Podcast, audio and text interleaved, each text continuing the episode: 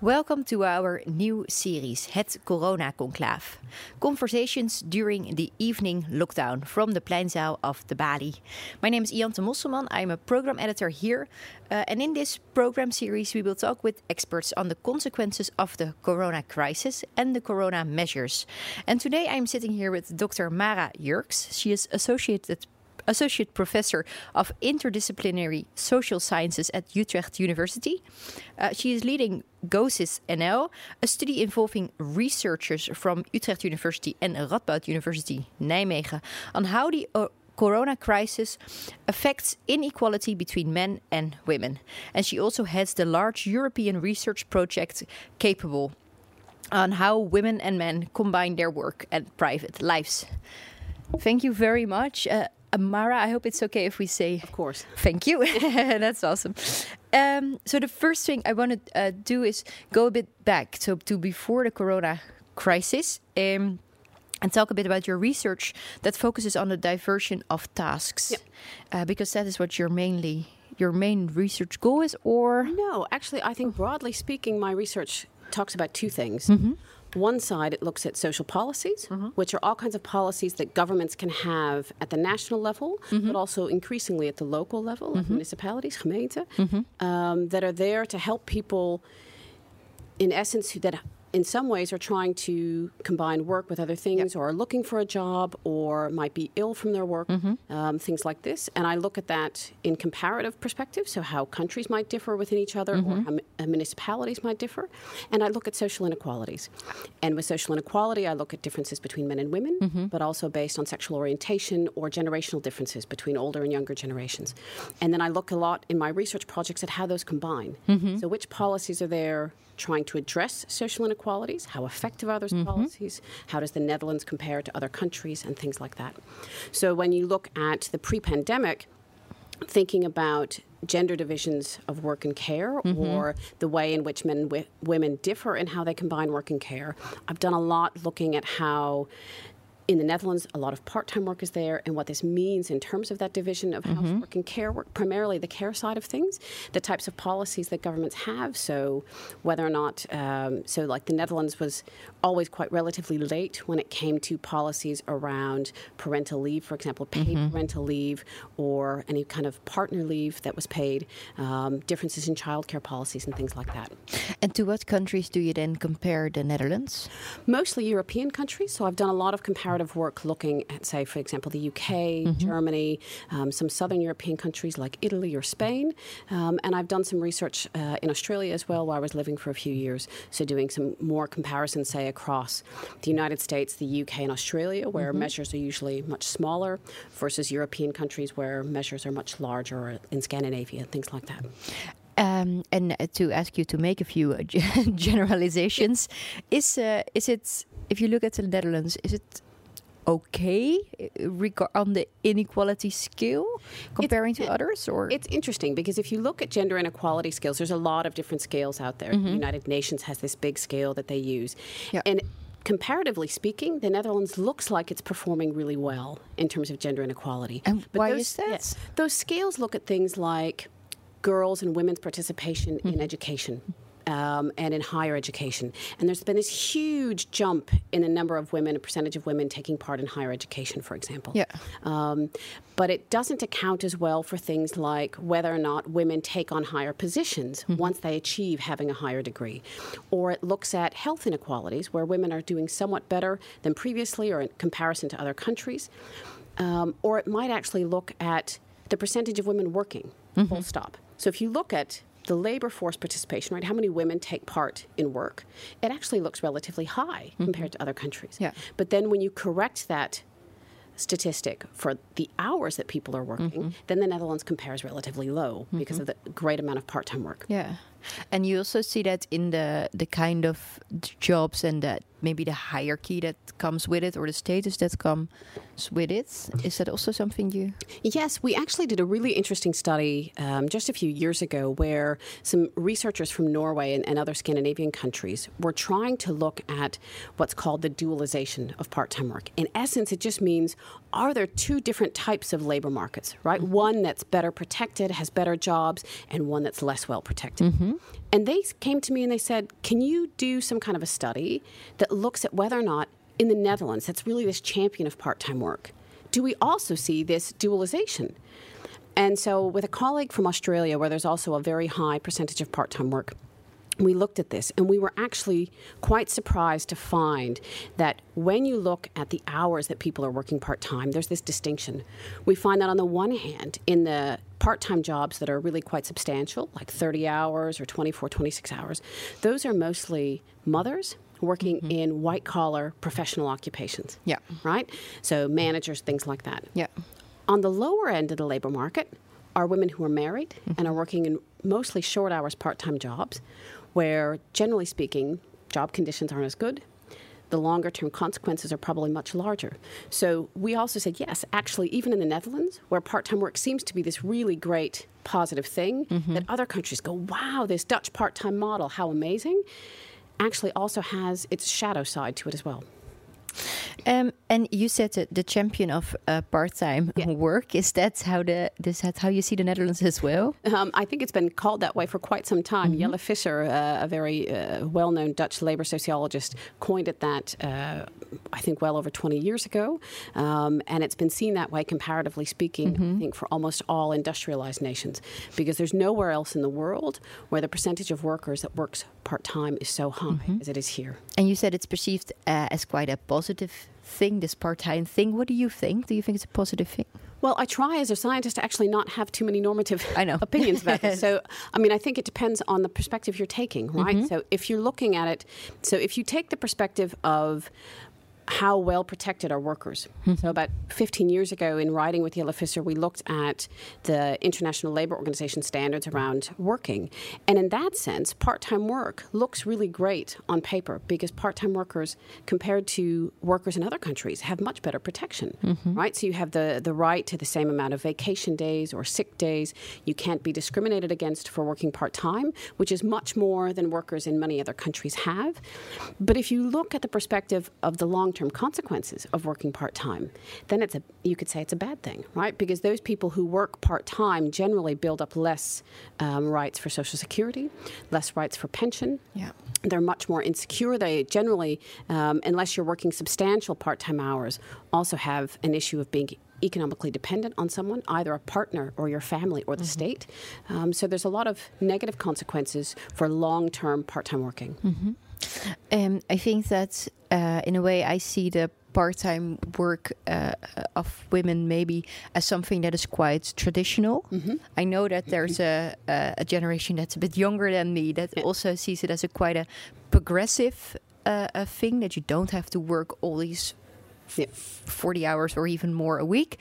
Uh, can you tell me something about it on the different looks uh, on that, maybe? Yeah, I, am happy that you bring up the generational perspective because I think this is something I really try to emphasize when I'm mm-hmm. talking to people about why is it that part-time work seems so normal in the Dutch case.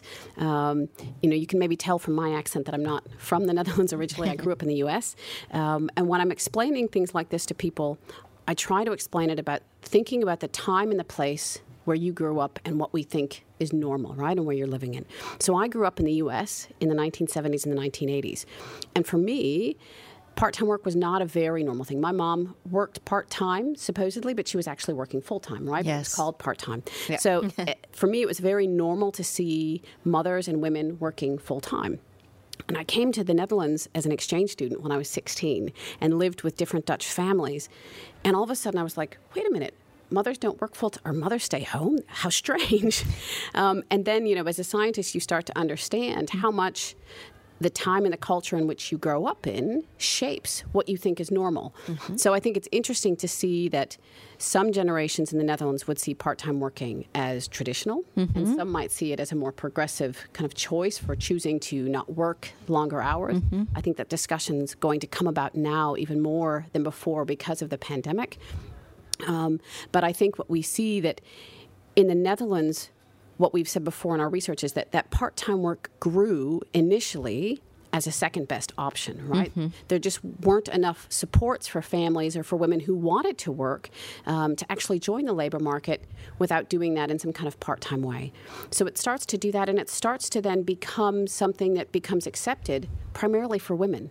Yes. Right? And so I think there's a really important gender aspect there that for a lot of men, part time work is seen as something that you don't do, or maybe you just do during as when you're a student. Mm-hmm. Uh, but that's not something that if you become a father, there, there are these contrasting expectations. On the one hand, we expect fathers to become so involved now and to be really involved dads, to take time off of work. And we also expect them to still be the breadwinner implicitly, yes. even if we don't say that out loud. Mm-hmm. Um, so I think that that's these contrasting expectations are there. And I think for younger generations, there's the added issue of the flexible labor market that they're working in, right? And the insecurity that that brings. And potentially the idea that if I just have a permanent contract, even mm-hmm. if that's part time, then I can have the security of knowing that I have income, but also having a job that I don't have to constantly work because I can do other things alongside it. But you see that different decisions become made once people start having children. and why does the why does it become complicated when they have children?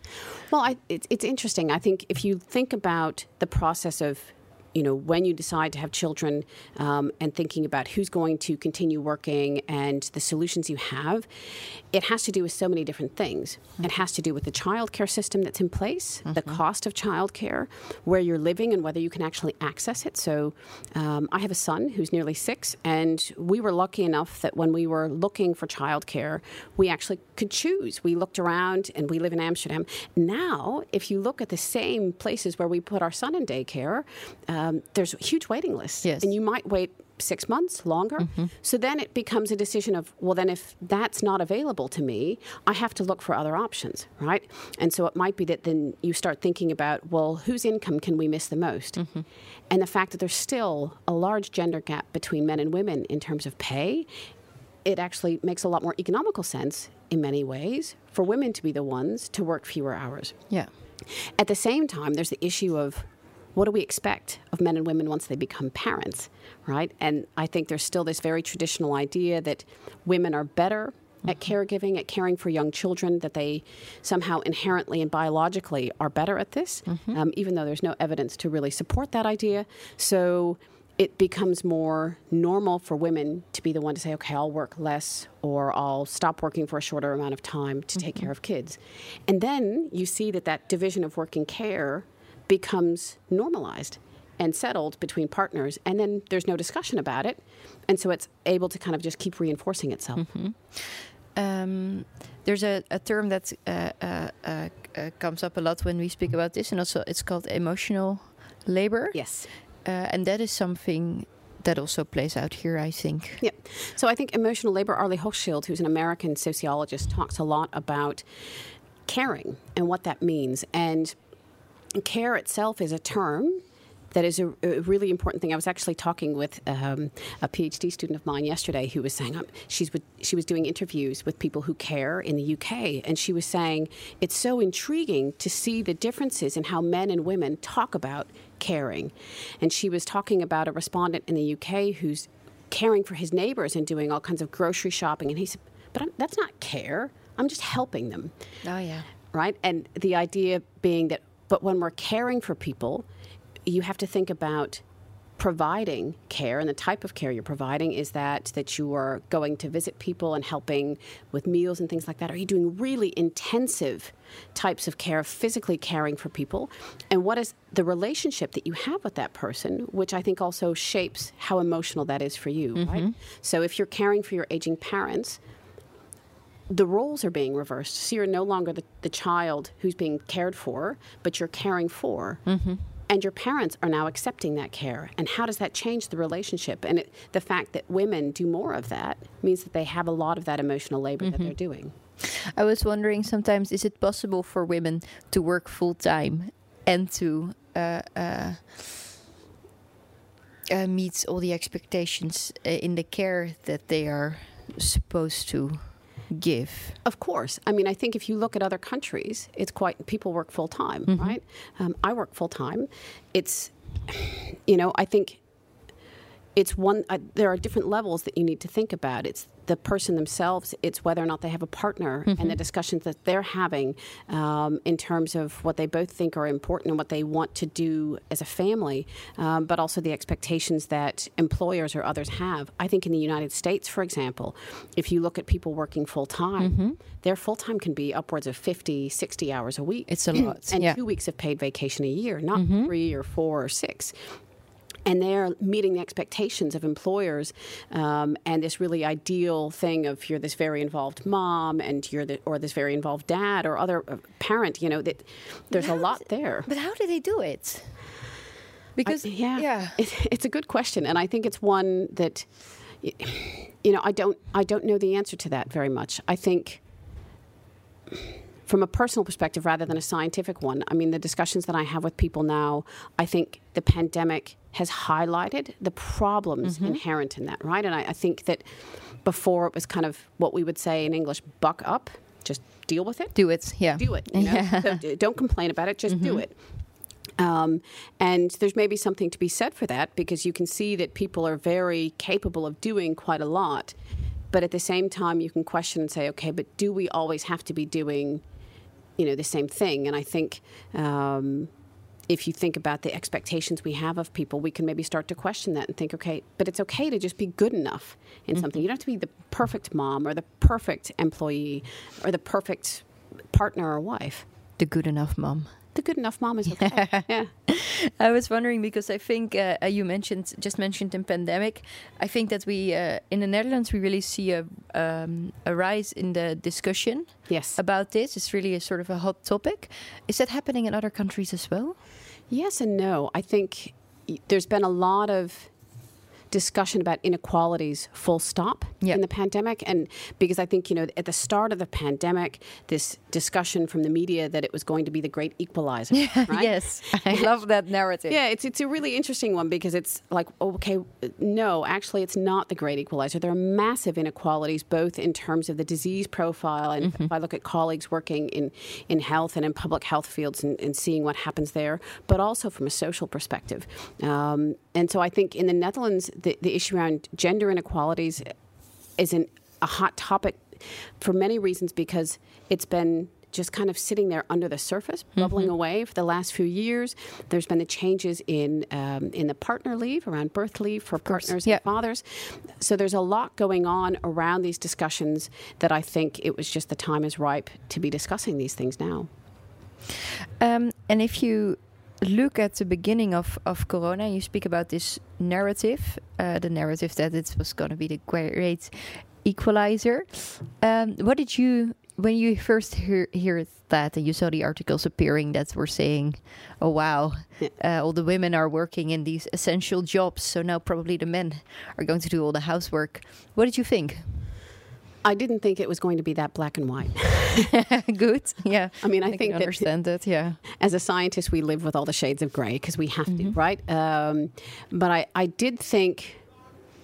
I, I actually thought it was going to be worse than it was. I think mm-hmm. with the mm-hmm. closing of schools and childcare centers, um, I actually thought that there would be a much more traditionalization of roles. That mm-hmm. because when something like a crisis like that happens, I think you tend to want to go back to maybe what you know, which would mean to go back to, all right, well, then I'll do more of what I've been doing, which is that women provide more care than men when it comes to the time spent on care for children mm-hmm. or house care, yeah. household tasks. And what I think is so interesting is to see the differences across countries mm-hmm. because actually scientists were, some scientists were doing kind of the same thing in the media and kind of some were saying, oh, it's going to be the great, it's a potential for a great equalizer mm-hmm. that men will step up um, and start doing more because they'll have to because of women being in these essential occupations. Whereas other people said, no, it's going to be the return to the 1950s housewife. Yes. Right?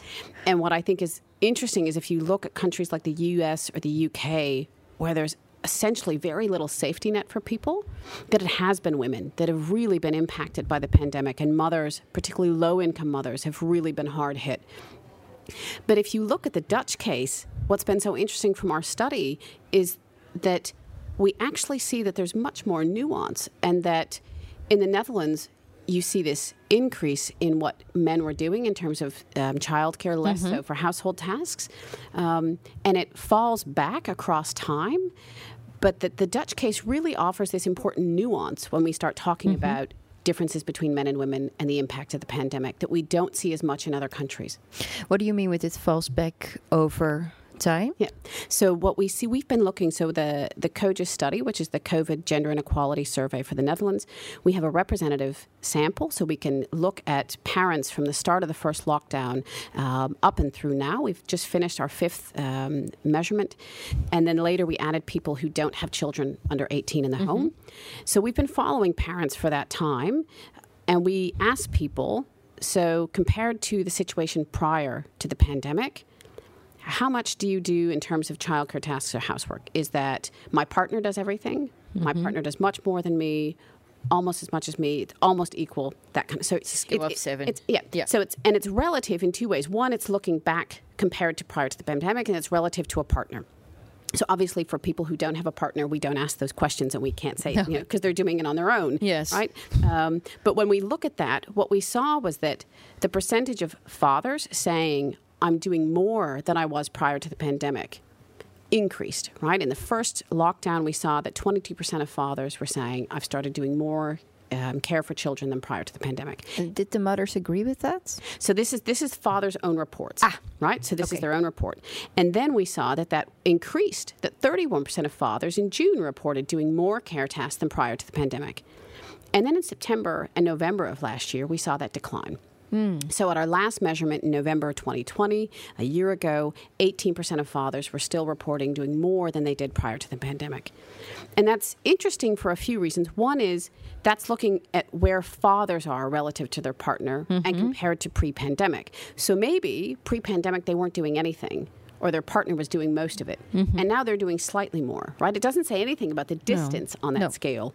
Um, and if we then look at the division of care tasks, so is it mostly kind of anywhere in the 40% to 60% split range, then we saw a slight increase in the equality of that between mothers and fathers at the start of the pandemic and kind of around June.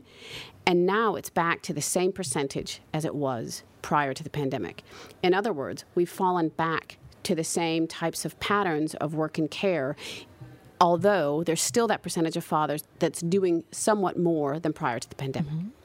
And what do you think are the reasons behind that? Why? Because it's yeah. It was quite positive.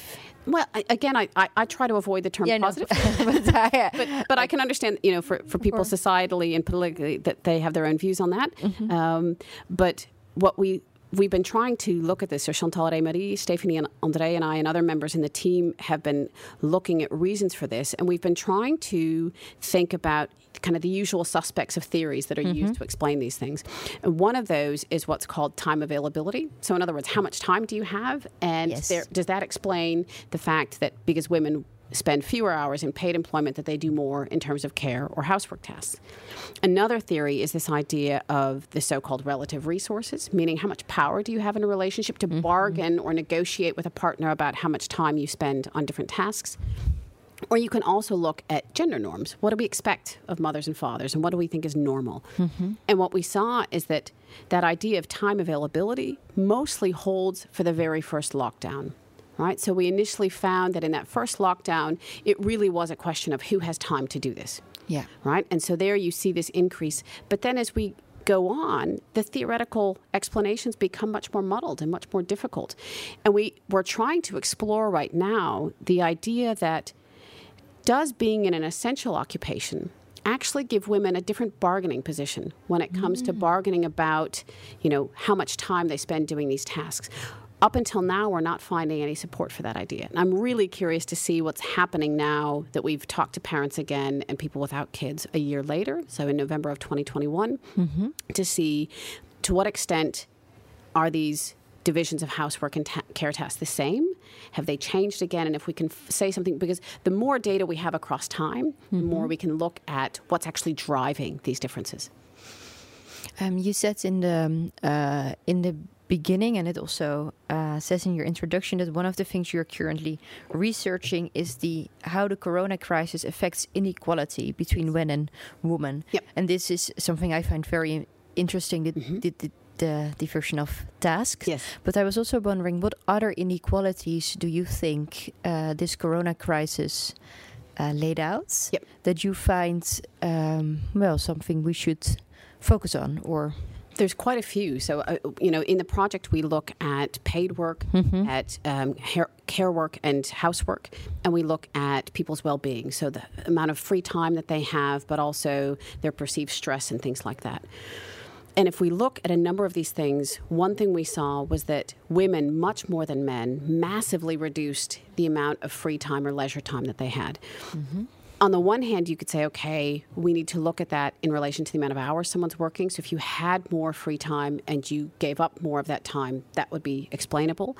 Um, but we're starting to try and look in and see to what extent does this actually mean that women who were doing more are actually now doing much more and spending much less time trying to recover from all the things that they do. Because we know from research prior to the pandemic that overall women's quality of leisure time or free time is less than that of men's. Um, and we also know that when women are doing things on their own, they're often doing that in combination with other things like care tasks or housework tasks. So they call this contaminated leisure, right? So you you're not really free doing something on your own, but you're more likely to um, go for a jog with your child, uh, Yeah. you know, in the buggy. So Yeah. you know, in, in that sense, and that's that matters because the longer the pandemic takes before it's resolved, if you have sustained problems with having free time and time to recover from work or other tasks, then that can lead to a whole host of problems when it comes to physical health or psychological health and your well being. Um, the same holds true, I think, for the difference between essential workers and, non- and people in non essential occupations, right? So we saw a massive increase in the perceived work pressure among mothers we saw also that for some people there was a really big decrease in work pressure right? So i think having you know the option to work from home or having to work from home for some people meant a decrease. But for some people it really meant an increase and this has been sustained. And again in other research prior to the pandemic we see that the more that type of time pressure and work pressure is sustained across time it starts to really draw down on your other resources whether that's your ability to sleep your ability to take time off and that has a really negative impact in the long term. So, if this is higher for women and for people working in essential occupations, then we really need to have societal attention for these inequalities. So, I think that those are two key ones. Um, another, maybe a third one, would be that a lot of attention has gone, rightfully so, with the closure of schools and childcare centers to parents. But there's maybe been less discussion for people providing care and help to family members, parents, or partners, or children with a disability. Yeah. And what we see, if we look at a measure of what we call work life balance, how easy or difficult is it for you to combine your work with care tasks? For people that don't have children under the age of 18 living at home, which means they're caring for someone either over the age of 18 or a partner or a parent, their work life balance has not gone back to normal. They're still really struggling. Yes. And that makes sense if you look at what's happening locally and the types of support services that are there that you know organizations and local governments are doing their best to try and help people providing informal care, but there's so much that's closed down that it's really a struggle for people who are trying to work and provide informal mm-hmm. care for these people. And so I think that that's a major issue inequality wise that needs to be looked at. And when you speak about the things that make it even more complicated, is that also, for instance, the shops closing at five? Yes, because I mean, I think, you know, look, I'm, I'm really glad I'm not in the position of a policymaker or a politician No, no, having to make decisions I, like but that. yeah. But I think, you know, once things, anything that takes away the flexibility for people Mm-hmm. who are trying to combine work with, with care tasks can make it more difficult for them. Um, and I think, but I, I think there it's really quite complex that if you, it depends on the type of position you have. Do you have a social network that you can fall back on? Um, where are you living? What types of services Mm-hmm. are there? Are you having to travel really far to provide care, or are you, or does that person live with you in the household? Mm, So- do you have a car or do you use Exactly. the public transport? Exactly. Yeah. Yeah, those are all complicating factors for things like that. Uh, I read somewhere uh, it was just a brief statement, and it says that that the Corona crisis was hard on everyone, but it was particularly hard on women. Would you agree with that? Yes and no. I'll be the I'll be the um, the scientist there. okay.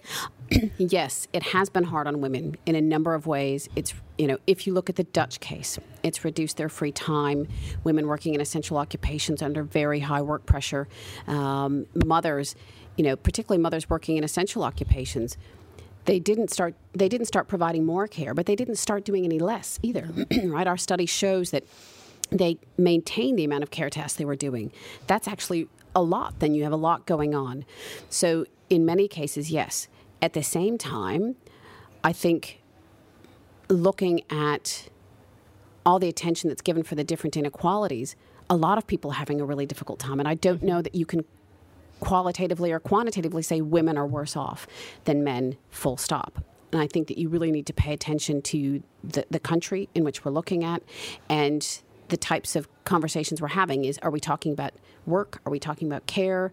Um, and you know it, are we talking about highly educated women or women with a lower socioeconomic position? Mm-hmm.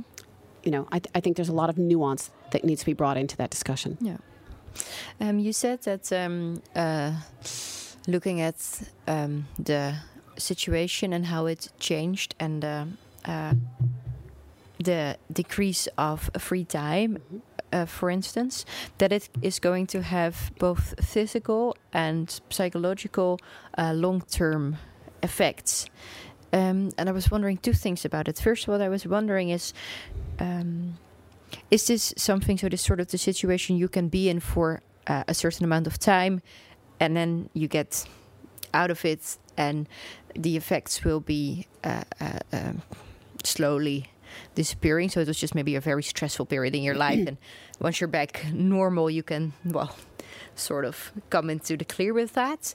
Um, and what is the and if it's because well we're still in it um, what is the what's going to be the uh, um, the consequence of of remaining and that sort of I'm going to call it stressful. I know it's not very scientific, but sort of a, a stressful full situation long term.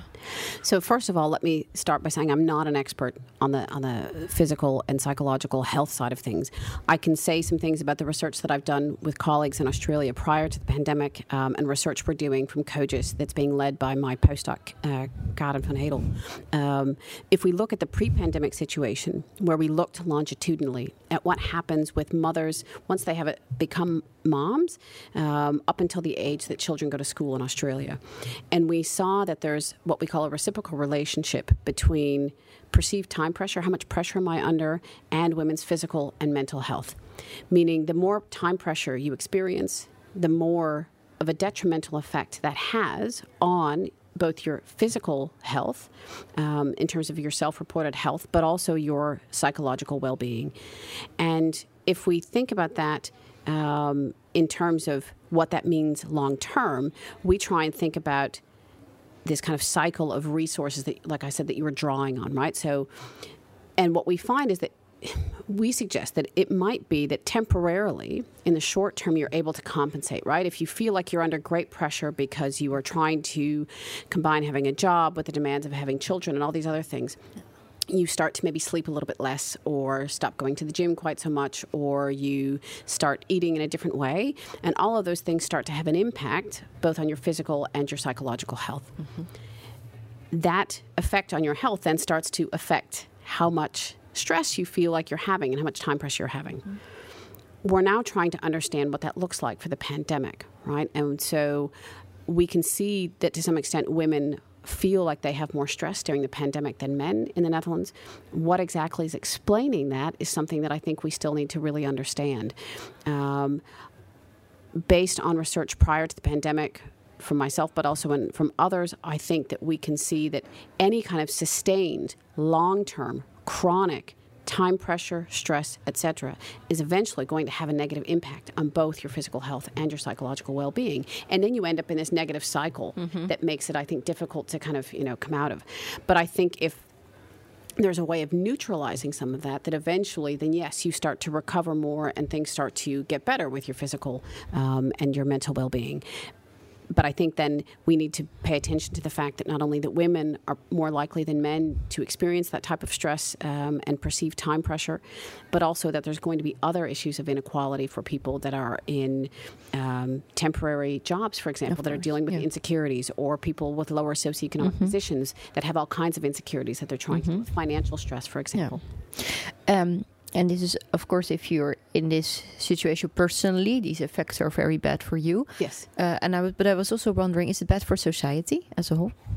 And in what way? I think so. I mean, I think again here this is something that I haven't done research on, but I think if you're asking me, you know, what what is the societal impact of this, you can look at it in different ways. If you want to think about people in terms of their ability to work and their ability to take part in employment, you know, currently the Dutch government wants people to take part in paid employment if you're of you know the mm-hmm. labor force age kind of between yeah. the ages of 18 and 65 or 67 so when people can't work then from a, a social policy perspective that starts to cost money because you need policies to help support people through that process. So then then that has a really negative impact on society. But I think you can also think about it in terms of people's resilience and the long term effects of wanting a healthy and a sustainable society. And if we're living in a society where people are experiencing chronic stress and time pressure and things like this, even if that's just obviously a proportion of the population, that's going to have a negative effect and make other areas in society less sustainable and less healthy. Yeah. Thank you. I know this is not your your yeah. research field, but I think it's it's good to elaborate on it. It's an interesting little area to be talking about. absolutely. Um, moving back a little bit uh, to your research, um, I also want to talk a bit with you about uh, uh, the future. Because sure. you said that you also look into the social policies and into yep. the social measures. Um, uh, looking at uh, um, the uh, current situation we're in and, and the, the stress that a lot of mothers are yeah. are are experiencing and people in general as well, but mothers uh, in particular. Um, what measures uh, do you think would uh, uh, yeah release this a bit? What do you think that are social policies that would help people who are giving care? Boy, that's a big question. no, that's all right. Um, I was actually speaking with a policymaker this morning a bit about things like this and in relation to um, so-called hybrid working and things like that. And I, to me, I think one of the most crucial policy perspectives is being aware of without sounding too scientific, the institutional context, right? So, what structures are there already? What policies are already there? But also, really understand how these policies are connected mm-hmm. right? It doesn't make sense to just come up with one policy in one area and not think about how it's related to other areas. So, if I can get really concrete, if we think about how people combine paid jobs with being a parent or providing other types of care. So for parents, it matters whether or not there's childcare in place. Mm-hmm. And I'm really curious to see what's going to come out of the new coalition agreement um, and thinking about, you know, free childcare. But it's not just about how much childcare costs, it's about the quality of that care, mm-hmm. it's about the availability in the neighborhoods in which you're living, it's about the opening hours, the flexibility. But that's one aspect, right? So that's the childcare.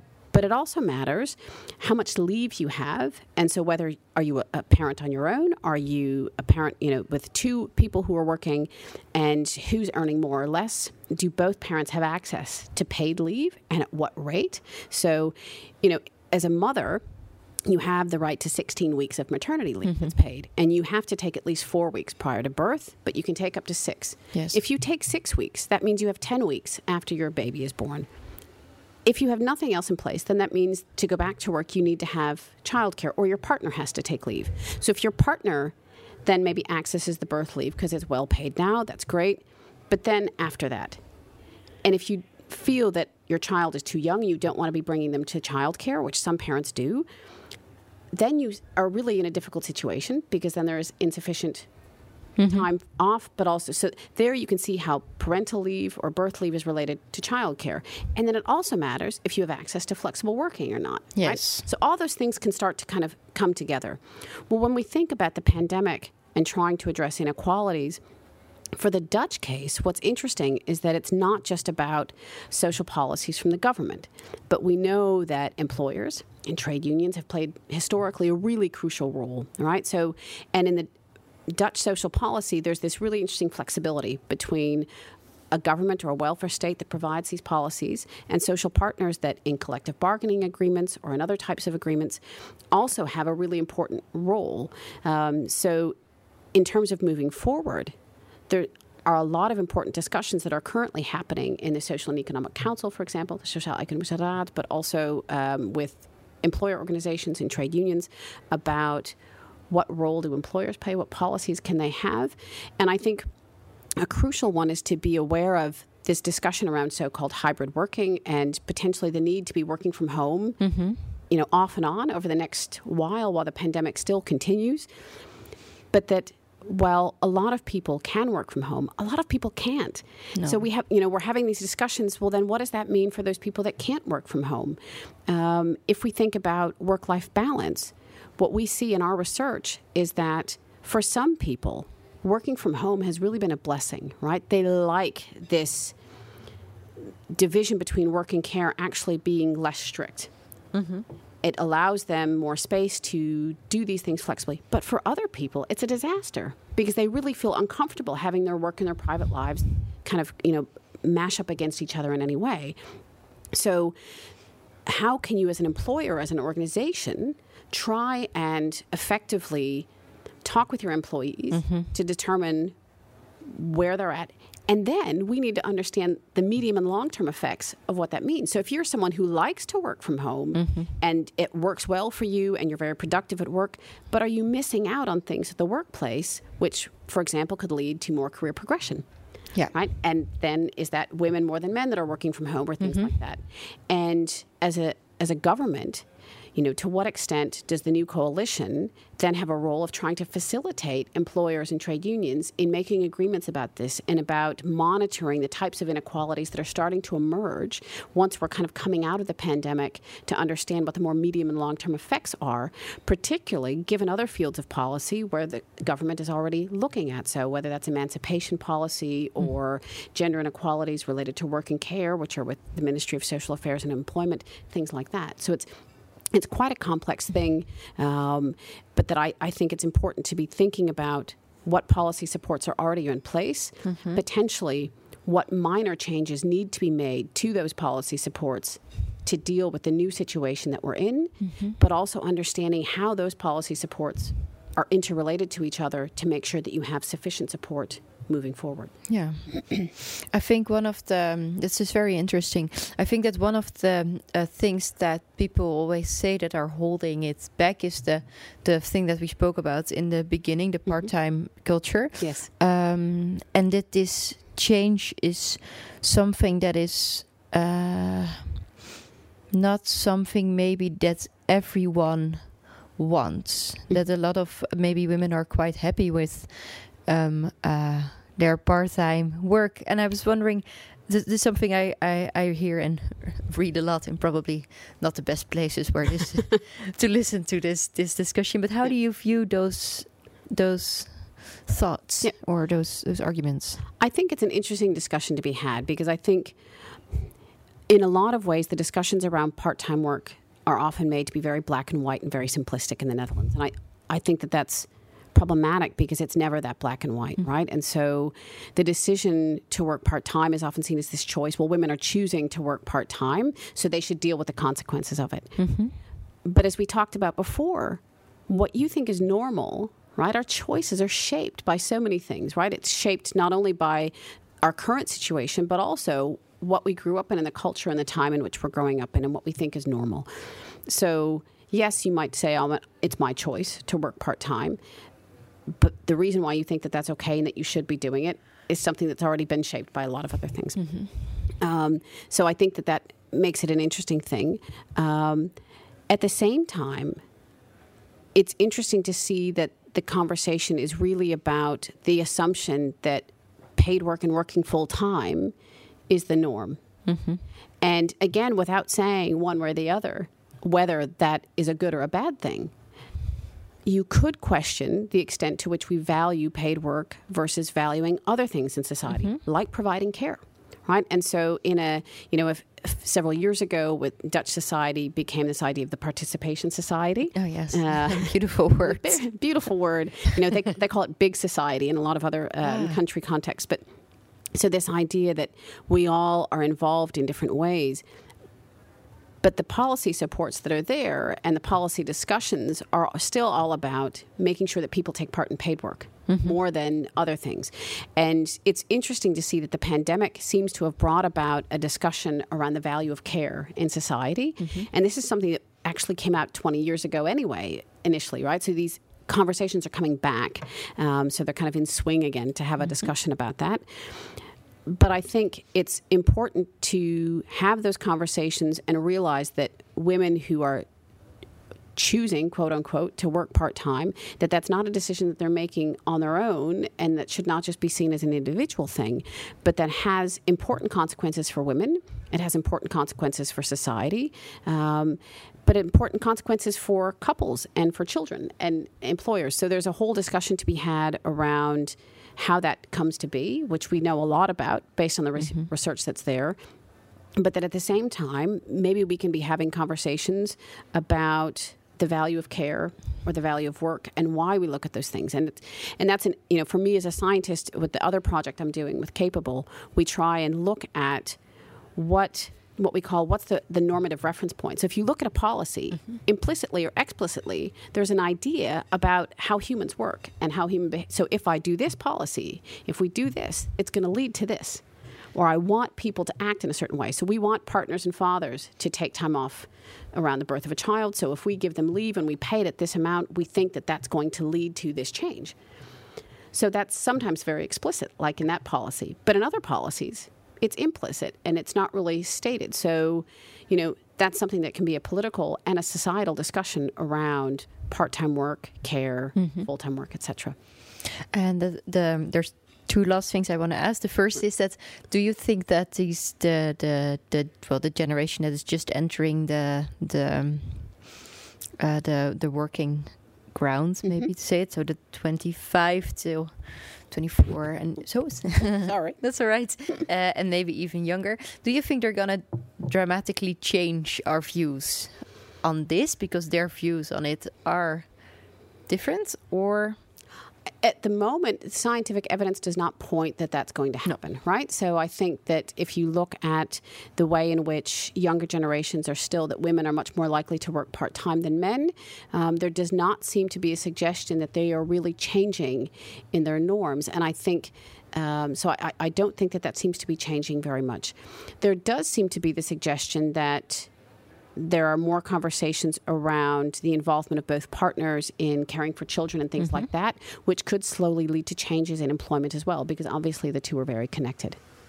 And if you look at um, the future, yeah. um, what are the things that you uh, uh, think that we should really, thank you, uh, uh yeah, remain focused on and and yeah. should uh, uh, yeah look at? What are, are, for you the most interesting thing, both in your research yeah. and in in general? I think one is understanding the complexity, the inequality that's there, right? That it's not just, and I, I, I think sometimes we end up in these discussions of, you know, women have been so hard hit. Mm-hmm. It's actually, if we think about it's women in lower socioeconomic positions or it's women working in essential occupations. So, how do different types of inequalities come together.